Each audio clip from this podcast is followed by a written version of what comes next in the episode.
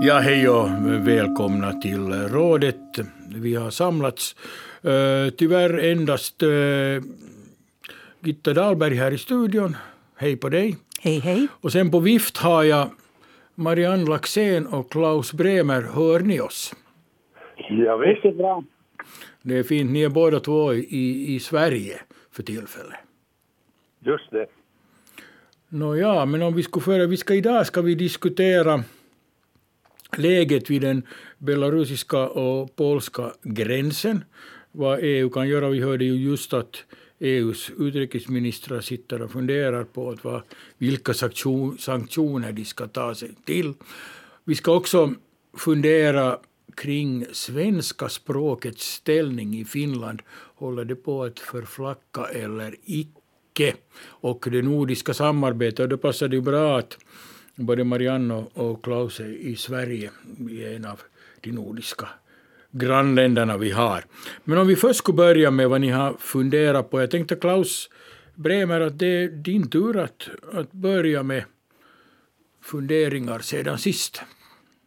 Jo, jag, jag har legat och tittat här på televisionen igår, eh, nyheterna och det som förvånar mig är att Glasgow inte alls i allas munnar utan i Sverige Morgonens nyheter talades det mest om luftföroreningen i Europa och att hur många miljoner människor det dödar. Och här kommer vi ju in på trafiken. Eh, tyvärr talas det i Finland allra mest om personbilarna som bara står för 7 procent.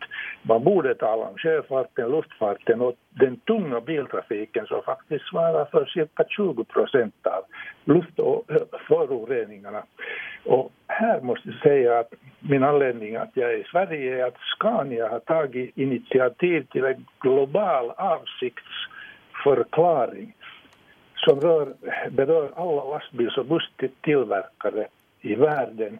Eh, Scania vill att man ska förbinda sig till en radikal nedskärning av utsläppen we, eh, well to wheel, alltså från, från källan till endast till dess det kommer ut på gatorna. Och där vill man att man ska gå ner med 30 procent eh, nollutsläppsbilar i försäljningen 2030 och 90 procent nollutsläppsbilar till försäljning 2040. Ett radikalt förslag. Och därför är jag i Sverige. är det, då, är det elbilar de funderar på? Då? Det är framförallt elbilar. Men nu säger Scania också med sina tre nya motorer som de ska presentera idag och imorgon nya växellådor och kraftöverföringar, att man kommer inte ifrån dieseln ännu på länge, hur mycket man än försöker. Det man kan göra, och som Scania går in för, är att minska radikalt på dieselbilarnas utsläpp också. Men samtidigt då elektrisk, sikta mot elektrifieringen av bilarna. Vi har ju också biodiesel som är, är, är mera och mera på kommande, men det är ett väldigt högt pris man får betala per liter för biodiesel i dagens läge. Det, det finns inte en enda möjlighet för trafikidkare att börja betala det om inte den beställaren är färdig att betala för det. Det är så stor skillnad. Mm. Precis. Nåja, men det låter ju som om, om de är på gång där i, i, i Sverige då med renare trafik. Eh, Marianne Laxén, vad har du funderat på där i Stockholm? Då? jag, jag kan koppla, koppla in det lite på samma spår som Klaus om jag försöker tolka det så positivt som möjligt. Det vill säga, jag är där och försöker förbättra världen och vad heter det, eller världen och luften. Och jag har varit, jag har varit i Oslo på ett nordiskt fredsseminarium och kom nu till Stockholm för att här fortsätta diskussionerna med, med, de, med, med olika svenska fredsföreningar. Och, och egentligen vårt eh, vår diskussion här i Oslo, eller där i Oslo, gick närmast ut på att, att titta lite vad Nordiska rådet skulle kunna göra för att uh, jobba för avspänning i, i Norden och specifikt i Öster, Östersjöregionen. Det är ju på det sättet att, att Nordiska rådet enligt vår uppfattning, enligt uh, fredsorganisationernas uppfattning, mera har varit intresserade av att diskutera försvarspolitik istället för att diskutera den här frågan ur en ur en fredssynvinkel.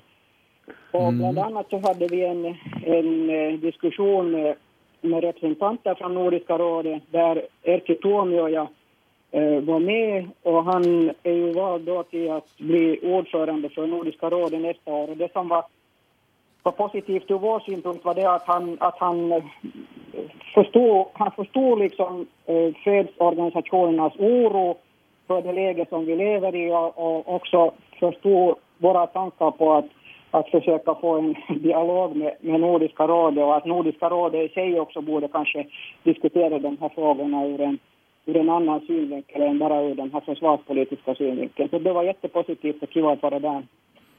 Ja, bra, vi ska ju diskutera mer om det nordiska samarbetet lite senare i sändningen då vi går ja. över till svenska språket så att det passar ju bra. Gitta Dahlberg, vad har du funderat på? Jag har egentligen funderat på, på två saker. Allra först så hade, hade jag nog tänkt eh, breda ut mig lite när det gäller kvinnliga chefer och om kvinnliga chefer sätts under en, en starkare och större lupp än manliga chefer. Och naturligtvis eh, handlar det ju väldigt mycket då om, om det här senaste med, med äh, Moira von Wright som, som sades upp från äh, Åbo Akademi. Men vi har ju haft andra sådana här mera spekula, spekul, spektakulära uh, uppsägningar uh, som, som det där uh, till exempel då inom, inom pensionsbolag, alltså på, på finansieringsnivå så att säga. Och, och sen då det här Revisionsverkets chef. Och, och där, det som är konstigt med de här tidigare två är ju det att, att man har tittat väldigt mycket på, på det här om, om eh, en chef, en kvinnlig chef har kört omkring med en lyxbil. Eh, man brukar ju inte egentligen bry sig om om manliga chefer kör omkring med lyxbilar. Kanske man förutsätter nästan att, att de har en sån. Och, och när det gällde Revisionsverket så där kom det ju fram då de som säga, på en väldigt fånig nivå det här med uh, användning, felanvändning av, av pengar för att, att gå till frissor och, och sminka sig och, och, och sånt där. Att eh, man, man låter det lätt nog liksom ett sånt löjets skimmer komma över eh, kvinnliga chefer som får gå. Det hade ju inte hänt nu liksom i det här fallet med, med Åbo Akademi. Men, men eh, till sist och syvende så han, handlar det ju i, i de allra flesta fall också att det är fråga om ett chefskap som, som det där man inte har kunnat sköta på ett, ett eh, sätt som har, har fört arbetet framåt. Menar du att, menar du att äh, kvinnliga chefer får passa sig äh, mera än vad manliga, manliga får uppföra sig lite men... Jag tror nog att det fortfarande är lite på det sättet. Mm. För att det är ju inte så förfärligt länge vi har haft eh, då för, för stora bolag kvinnliga chefer. Eh, kvinnor har ju kunnat ha sig ändå småföretag och varit jätteduktiga och, och kunnat bygga upp dem. Men, men det att de så att säga, i konkurrens med, med männen har kom, kommit fram så, här, så där här, har det ju tagit tid. Får jag, får jag komma in? Jo, I, morgonnyheterna, I morgonnyheterna i Sverige behandlades samma fråga från en lite annan synvinkel. Man konstaterar här med glädje att det kommer upp i storbolagens styrelse allt flera kvinnor. Men samtidigt konstaterar man att så länge männen äger 99 procent av storbolagens aktier och kvinnorna bara 1 procent så kommer det att, att eh, ställa till svårigheter med, för kvinnorna. Kvinnorna borde aktivt försöka äga också lite mer av storbolagens aktier. Det här kom fram idag i, i morgonnyheterna i Sverige. Har du Marianne någonting att jag måste säga, det, det, det är jättesvårt att diskutera det här för att jag skulle vilja ha mera, mera vad ska vi säga, forskning i det här. Mm. Jag har lite samma känslor nog som Gitta att, att det är liksom man kräver annars, andra saker av kvinnor än vad man kräver av män. Inte bara i, i företagsstyrelser och i, i företag utan i största allmänhet. Men det kanske behövas, behövas lite bättre, bättre forskning på det här området för att man ska kunna uttala sig riktigt, riktigt ordentligt så att säga. Men din magkänsla är ändå det att det, att det är som Gitta ja, säger? Ja, ja, som jag sa, så jag, jag, jag, jag, jag har nog uppfattat den här situationen ganska lika som, som Gitta här förde fram. Ja, vi, så, vi hörde ju av Klaus att det är uppe i, i vad heter det, i diskussion i Sverige åtminstone det här med att att... Ja, men där, det, liksom den där anfalls, eller infallsvinkeln är nu inte riktigt det som jag kanske är hemskt glad över att, att säga att kvinnor ska bli ägare i storföretag för att det gäller ju också att, att se på hela företagsstrukturen och hela den utveckling som kapitalismen har hållit på med här under de här 50, 60, 70 senaste åren. Frågan är om vi också ska kunna klara av den här klimatförändringen med storföretag som, som beslutar, utan om det skulle vara mycket bättre att ha en struktur där vi ska ha mindre företag och, och klara av det på ett mer demokratiskt sätt. En mindre skala. Ja. Precis. Ja, var det Gitta något annat som... No, jag läste ju som, som många andra Hufvudstadsbladet i, i, igår och, och satte nästan hela tekoppen i, i vrångstrupen när, när jag läste om hur en barnmorska av alla yrkeskategorier, en barnmorska eh, försvarar sig, eh, då, sitt beslut att inte ta emot ett eh, coronavaccin när barnmorskorna är just de som tar emot det, det, det, lilla livet och tillbringar väldigt mycket tid dessutom inne i, i förlossningsrummet med, med den, den väntande mamman. Och, och, jag köper överhuvudtaget inte det där uh, argumentet att, att var och en uh, ansvarar för sin egen hälsa. För det är ju nog så att inom hälsovården ansvarar man för patienternas och klienternas hälsa och, och ingenting annat är ju, är ju tänkbart. Det är ju det den är till för. Och, och, och, jag tycker det är så väldigt märkvärdigt att man sen då säger att man, man eh, eller hon, den intervjuade, sa att hon, hon, eh, då, hon vill bygga på tillit. Men hur kan man ha tillit till en människa som inte bryr sig om om den kanske smittar ner både, både det, en, ett litet nyfött barn och, och, och dess mamma med, med de, de följdverkningar det kan ha. Och, och sen också andra äh, som inte vill, vill ta emot det där vaccinet som, som äh, säger att, att de är inte rädda och de är inte rädda för att bli sjuka. Och, och det handlar ju inte om, att, om deras sjukdom. De, de kan bli sjuka bäst de vill där hemma. Men det är att före de, de känner sig sjuka ens så har de gått redan omkring och smittat andra. För att det är ju ja, ja. Jag har mm. förstått att de fyller, just de som vägrar att vaccinera sig, de fyller nu för tiden sjukplatserna. Så är det. Det är hemskt. Ja, nu har de gått ju in för kraftigare restriktioner runt omkring i världen för ovaccinerade. Vi hörde om, om Österrike eh, som eh, stänger många ställen för ovaccinerade. Singapore eh, får man betala sin egen sjukvård själv om man är ovaccinerad. Det, det är kanske nog ett, ett steg det, som vi aldrig kommer att ta ja, här menar, i landet. Är det, är det en farlig, farlig linje att gå, ja. gå till att vi, att vi delar upp så att säga, världen i vaccinerade och ovaccinerade? Jo, ja. och, och, och detta att om man, om man det där, så att säga, tar risker så ska man betala sin sjukvård själv. Så det, då, då borde ishockeyspelare uh, göra det och, och de som klättrar i berg borde göra det. Och, och det, det, på det sättet ser vi inte på, på, på liksom sjukdom och, och, och vårdansvar här i landet. Men, men Gitta, får jag fråga dig som du är kanske bästa expert på det här området av oss. Vad anser du om det här då att arbetsgivaren, och nu ska jag nu närmast tala bara om hälso och sjukvården, att arbetsgivaren skulle ha rätt att ställa krav på sina arbetstagare att de är vaccinerade eller helt enkelt vaccinera dem? No, alltså man kan ju inte vaccinera någon med, med tvång så att man kommer springande med sprutan. Nej, nej, nej, men, men då kan du flytta över till ett annat arbete eller till en annan uppgift.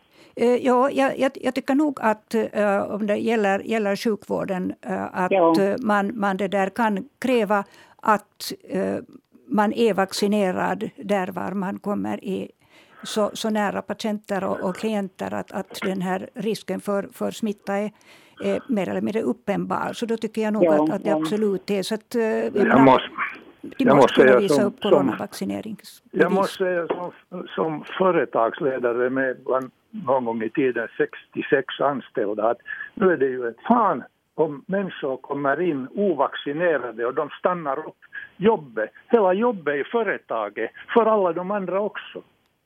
Inte kan det ju vara på det viset. Nu måste man ju kunna eh, vara säker på att företaget ändå kan fungera och driva och förtjäna pengar till löner åt alla. Ja, så du, du, du, du skulle vilja ha ännu kraftigare no, Absolut inte. Om, om jag har mitt företag och jag har ansvar för en massa anställda, att där sen kommer några som är ovaccinerade och, och smittar ner personalen, så det kan ju inte vara rätt. Det, det, det, det är ju hemskt för alla, om man ska ett företag, ta nu ett transportbolag, plötsligt ska upphöra med sina transporter och alla sina, sina förbindelser och, och, och alla kontrakt som de har gjort med leverantörer. Det är ju hemskt. Man hamnar, företaget hamnar och betalar, betalar böter för sånt här. Ja, men menar du, menar du då att, att, att du skulle tvångsvaccinera? Jag, jag, jag har lite svårt att förstå det här med tvångsvaccinering.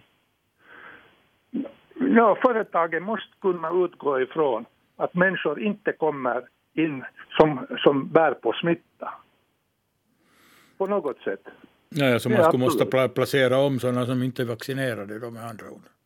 Om ja, men hur många kan ett litet företag placera om?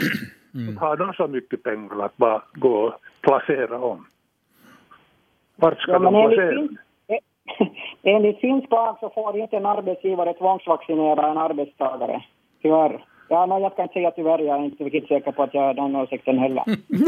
ja, men kiva, kiva att dra på lagen när det gäller alla människor. Inget mm. ansvar för de övriga som ska fortsätta med jobbet på Jo, men, jag, men nu, nu, snälla, snälla vän, jag, vi diskuterade två olika synvinklar. Den, den ena är den här personen som är så dum att inte den går och vaccinerar sig. Och det andra är det att har arbetsgivaren rätt att tvångsvaccinera den här korkade personen?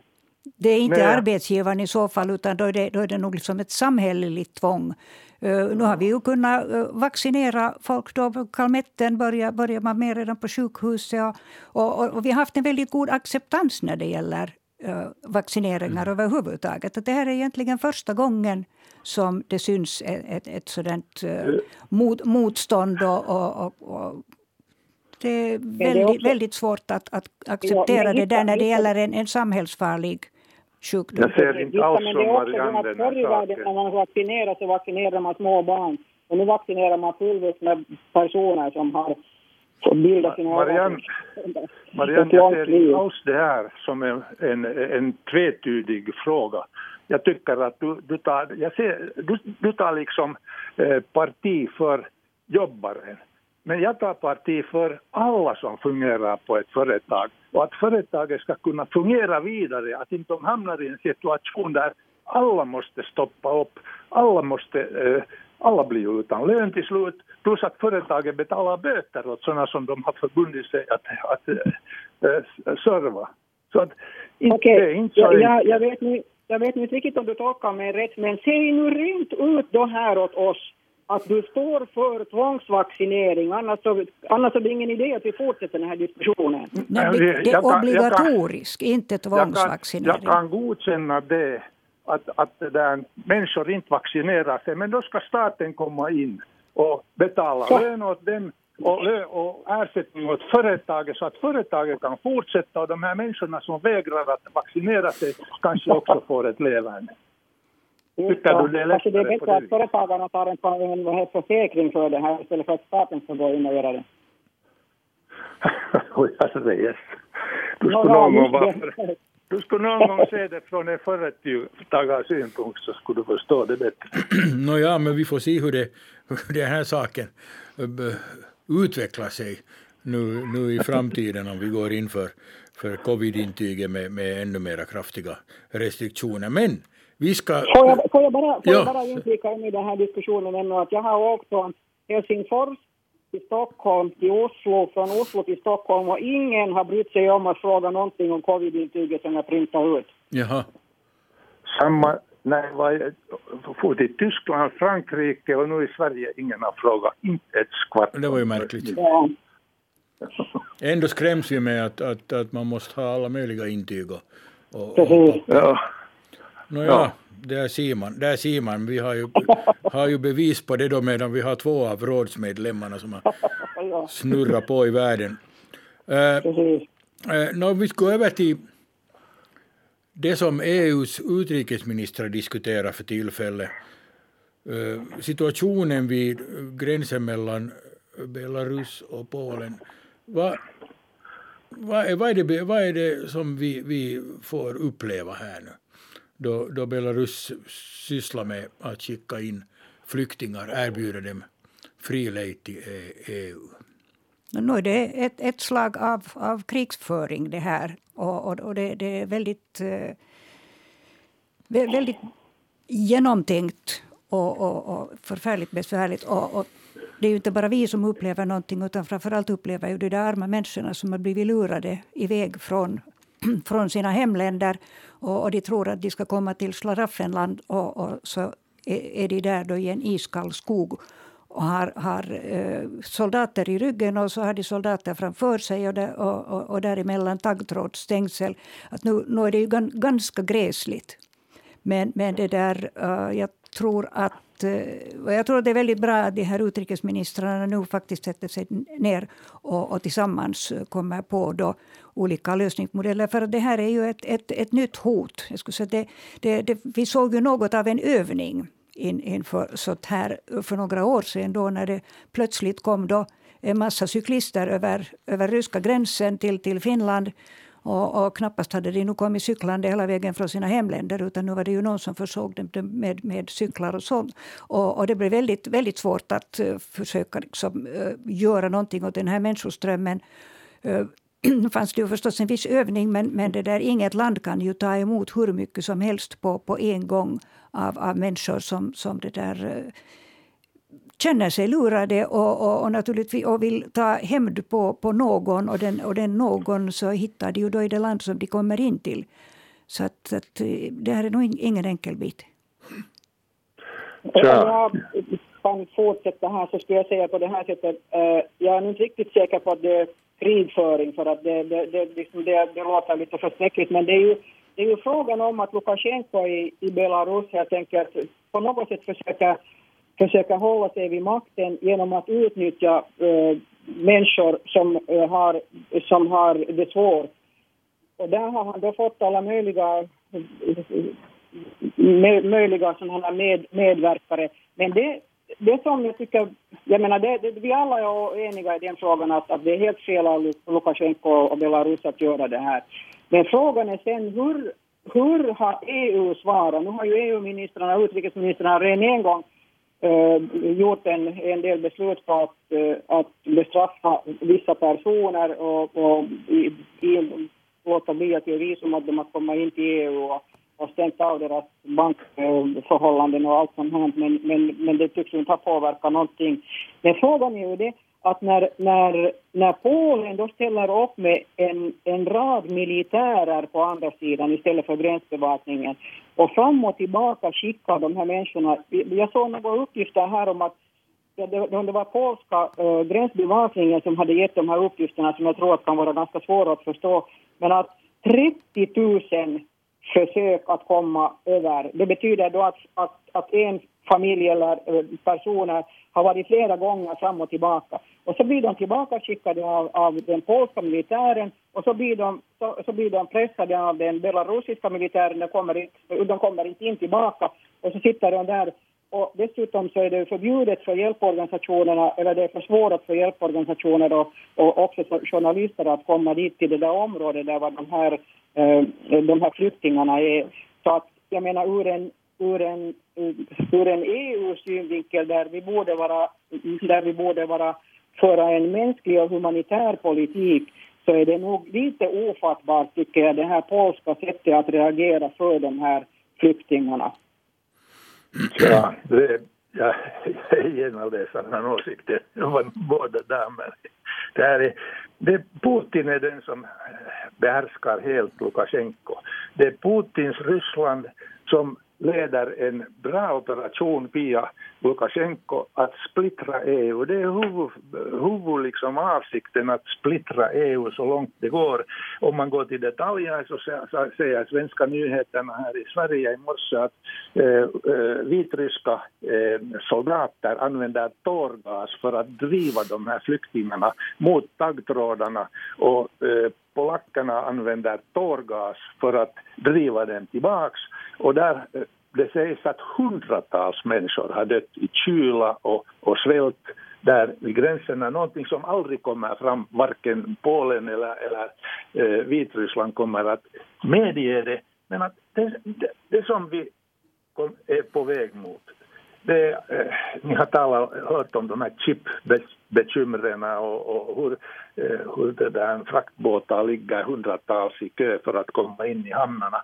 Näringslivet håller på att stagnera i Europa och samtidigt går vi mot en mycket svår inflation. Allting påminner om Hitlers, hur Hitler kom till, till makten med nazisterna i, i, i, tiden i Tyskland. Och nu har vi då Putin som, eh, som eh, allt mera påminner om, om, om eh, stalinismen och, och, och det där. Och, eh, som jag tycker Ryssland går allt mera mot stalinismen. Samtidigt har vi ju hela eh, Europa alldeles upp och ner. Det är Ukraina, det är Vitryssland, det är Polen, Ungern, Balkan, Serbien, Bosnien, Bulgarien. Det, det, det, det är fruktansvärda tider när allting står på huvudet. Att, eh, jag måste säga att, att det där, vi, om vi börjar bekymra oss för vår 1340 kilometer långa gräns så det är nog på tiden för att det, där, det ser illa ut. Framtiden ser illa ut nu i Europa. Jag måste få vad heter det, bara inflika här när det, gäller, när det gäller Ryssland och Putin. Jag tror nog att Putin, så som, så som Klaus sa, att Putin har, har nog försökt försökt göra sitt bästa för att försöka, eller nåja, det kanske inte att säga så här, men i alla fall han är, han är lycklig när EU är splittrat och EU splittrar ju sig själv också utan att han behöver blanda in sig. Men nu när det gäller då Lukasjenko och Putin så det intressantaste var ju som det som kom fram att Lukasjenko var det igår eller i förrgår sa att han stänger av den där gaskranen. Och igår sa då Putin att hoppsan sa det gör han inte alls heller för att då har han brutit kontraktet med Ryssland om han, om han inte vad heter det vidareför den där ryska gasen. Så det är nog inte riktigt varma känslor där mellan de två, två härskarna just nu tycker jag. Det sägs ju att äh, Lukasjenko är, är, är snäppet, snäppet eh, häftigare än, än, än, än Putin så att säga. Att han, han är lite som en... No, han, han har en svagare ställning politiskt i sitt eget mm. land. Det är väl det som gör honom så nervös och, och ryckig på. Men, men, nu, nu är han Putins fånge totalt. Putin, han är nog Putins det, marionett till, till många delar. När Putin slår näven i bordet så då lyssnar Lukasjenko och gör snällt som en skolgosse. Ja, Lukasjenko är, är mycket snabb i, i och, och ryckig i sin, i sin politik. Det, det, det är avdelningssnabbt och dumt.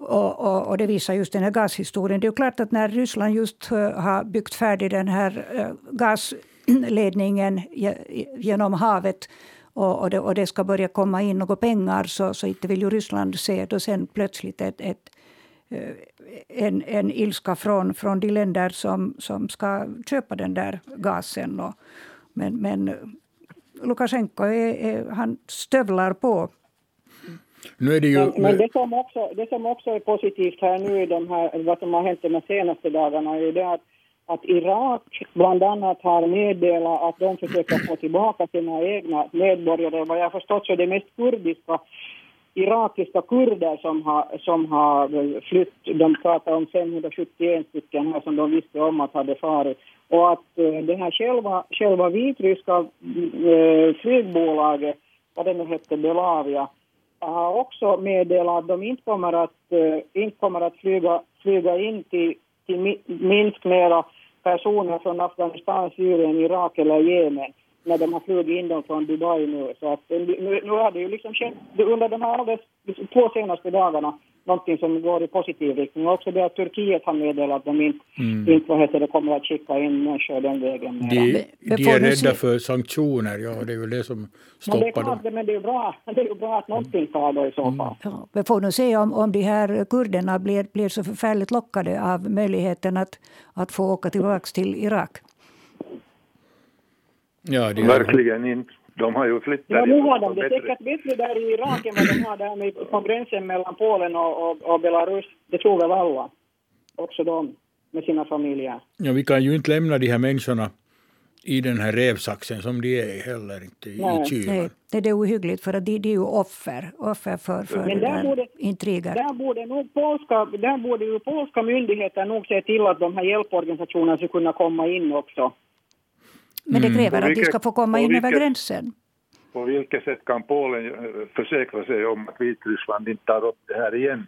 Börjar frakta dit människor. Ingen, ingen har garantier från, från eh, Belarus sida misstänker jag. Ja, hur mycket ska man ta in sen sist och slutligen? På vilket sätt får man stopp för den här folkvandringen?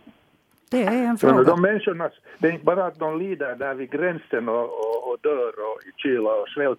De har ju betalat all sin egendom för att komma dit på fel grunder. De är förmodligen dessutom skuldsatta. Det är ju det vanliga. Precis. Nu har det sagts att det finns äh, människosmugglare som pratar finska också där vid, i, vid, vid gränsen. Det betyder ju att det är någon som ser äh, pengar i det här också här i Finland.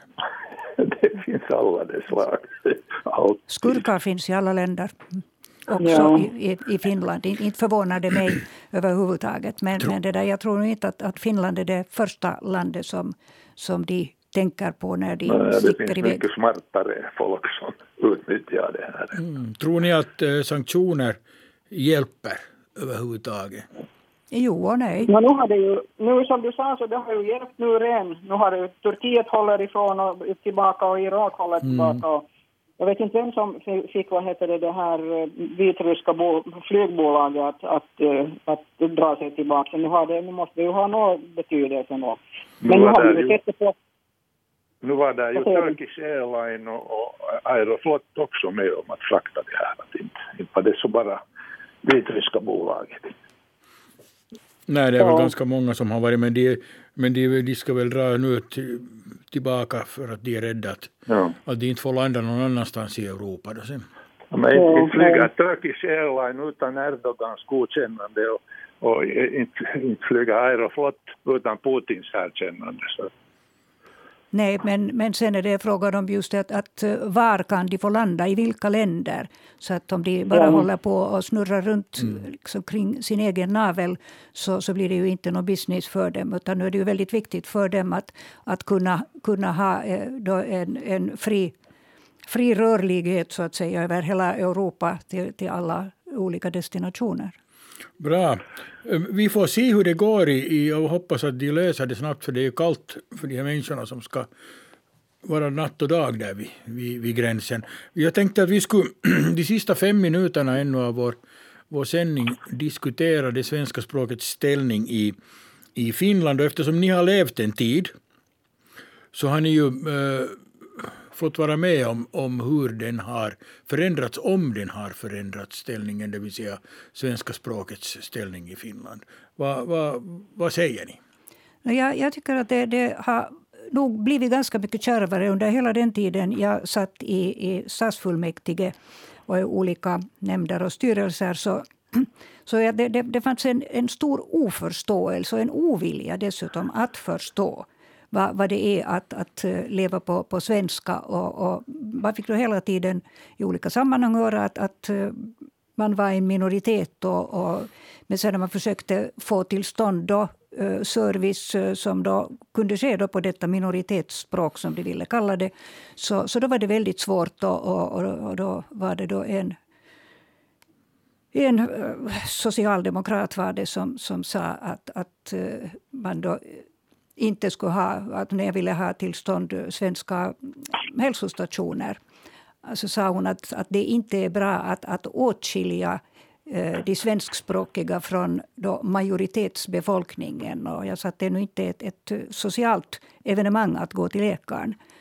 Och, så att det, det, det krävs att man på finskt håll börjar, börjar förstå och att, att starka människor inom politiken och, och inom kulturen och så visar att det är nödvändigt att, att eh, man kan kommunicera och att det är nödvändigt att, att vi respekterar varandra och varandras behov.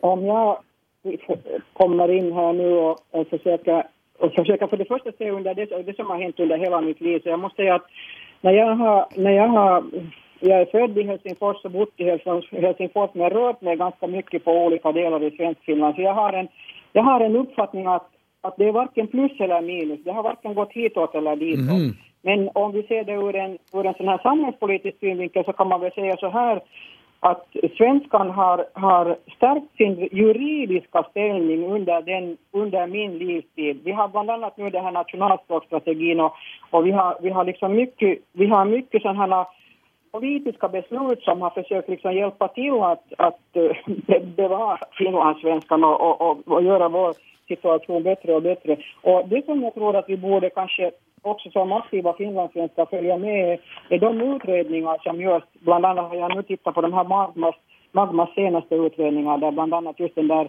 eh, frågan om, om den här juridiska ställningen för svenskan kom fram och där den här Johan Hedman som var, som var då skribent för den här rapporten säger att, att eh, man, borde, man borde kanske mera än att eh, poängtera det juridiska. Nu börjar liksom med en sån här eh, språkplanering. Bland annat talar han ju för det att man ska ha svenska skolor i finsk, finska orter, vilket jag tycker låter jättebra. Men en sak som är helt på gång nu igen också, som han också tog upp, det var ju att frå frågan om att eh, integration för eh, nyanlända på svenska, och det har vi ju också, det håller vi också på med nu. Bland annat så tas det upp där i i regeringens eh, integrationspolitiska redogörelse. Så att det, jag, tycker, jag, jag måste säga att jag tycker att det finns det finns liksom sådana positiva drag i, i, i, i situationen. Naturligtvis så finns det en hel massa finnar som aldrig har hört talas om svenska som ropar åt oss att mänka rådsin. Men ja, de har alltid funnits. Mm. jag tycker att de är flera nu ändå. Hur ser du Klaus på Ja, jag ser helt annorlunda igen än de här damerna. Jag har gått i finsk skola i finska Norsen, blivit student från finska Norsen, börjat med i mitt liv, mitt liv att få stryk på käften av eh, gatugäng eh, fintupparna och sen kom vi in i en finsk skola och blivit bästa vän med de som jag fick stryk av några år tidigare. Och, och, jag måste säga att jag, jag upplevde i, i finska norsen att pakkoruotsi är så skit som det kan vara att jag kan aldrig gå med på det där. Utan pakkoruotsi så tror jag att, att det där SFP skulle kunna ha ännu också idag en 7-8 procents eh, det där, eh, understöd i valen. Det som också i Finland glöms, det är Norden glöms. Man såg när EU kom så skulle alla finska meppar rusa med tukkaputkella till Bryssel och ändra på världen. Och man glömmer att Norden är Europas tredje största stormakt efter England och, och Frankrike. Och det, det är vårt stöd är Norden och vi borde köra mycket mera för Norden vi finlandssvenskar och få med oss finnar. Och ju äldre finska politiker blir, ta och titta på Lipponen, titta på Paasikivi i tiden, titta på Kekkonen, titta på, på, på det där Koivisto, desto mer erkänner de att Norden är vårt stöd. Och, och det där, och sen ska jag säga att börja från de yngsta. Börja föra ihop de yngsta finska skolorna, svenska skolorna, de, de, har, de är förbehållningslösa. De blir vänner med varandra för livet.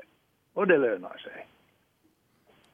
Precis som man blandar, blandar mera från att inte, och inte kör enligt den taxelska tesen att, att tvåspråkiga institutionen blir enspråkigt finska. Nu ska vi försöka rädda det, svenskan i det, det, det, det, ligger mycket nog i den där taxelska men inte det är ju, no, ingenting är ju hundraprocentigt eh, riktigt och, och rätt. Och, och, som jag nog tror att jag i det här samma forumet har sagt tidigare att, att de här svenska skolbarnen räcker inte till för att vara ambassadörer i alla eh, landets finska Börja skolor. Så att, men, men man inte det är klart att det, jo, det, det, det finns. Vi, jag tar igen fram då till exempel Rudolf Steiner-skolan här i Helsingfors där det finns en svensk linje och det finns två finska linjer. Och, och de, de fungerar väldigt bra inom, inom uh, samma, samma hus. Men det har nog krävt vissa, vissa det där speciallösningar. Och, och alltid har det inte gått gnisselfritt men, men jag upplever att det nu åtminstone de rapporter jag, jag får inom familjen så, så, så går det väl rätt bra. Mm. Får jag ännu hoppa in med Ja. det nordiska samarbetet eftersom det nordiska samarbetet en mycket längre tid har hållit på liksom med det här gemensamma språket som har varit en, liksom en chimär. Och nu har ju Nordiska rådet för några år sedan beslutat att också eh, erkänna isländskan och finskan som språk i Norden. Och jag tror att det är en viktig liksom, förutsättning för att också de som har finska som modersmål och isländska som modersmål ska känna sig på något sätt hemma i det här nordiska samarbetet. Så att den här, den här liksom svenskan har, har nog varit lite besvärande ur, ur en sån här nordisk eh, integrationssynpunkt. Och tyvärr så har det ju varit på det sättet också att, att just på grund av att svenska har varit kravet så är det nästan bara finlandssvenskar som representerar Finland på olika nordiska eh, institutioner. Ja, precis. Vi måste tyvärr sluta här. Vi kunde gått in på en diskussion om att ska engelskan bli ett språk som vi använder i Norden, men, men det hinner vi inte med. Nej. Yes. nej, nej säger no, bra. också jag. Då tackar jag Marianne Laxén, Klaus Bremer och Gitta Dahlberg för den här diskussionen idag. Mitt namn är Hasse Sundqvist. Rådet igen om två veckor, slag efter tolv imorgon. Hej!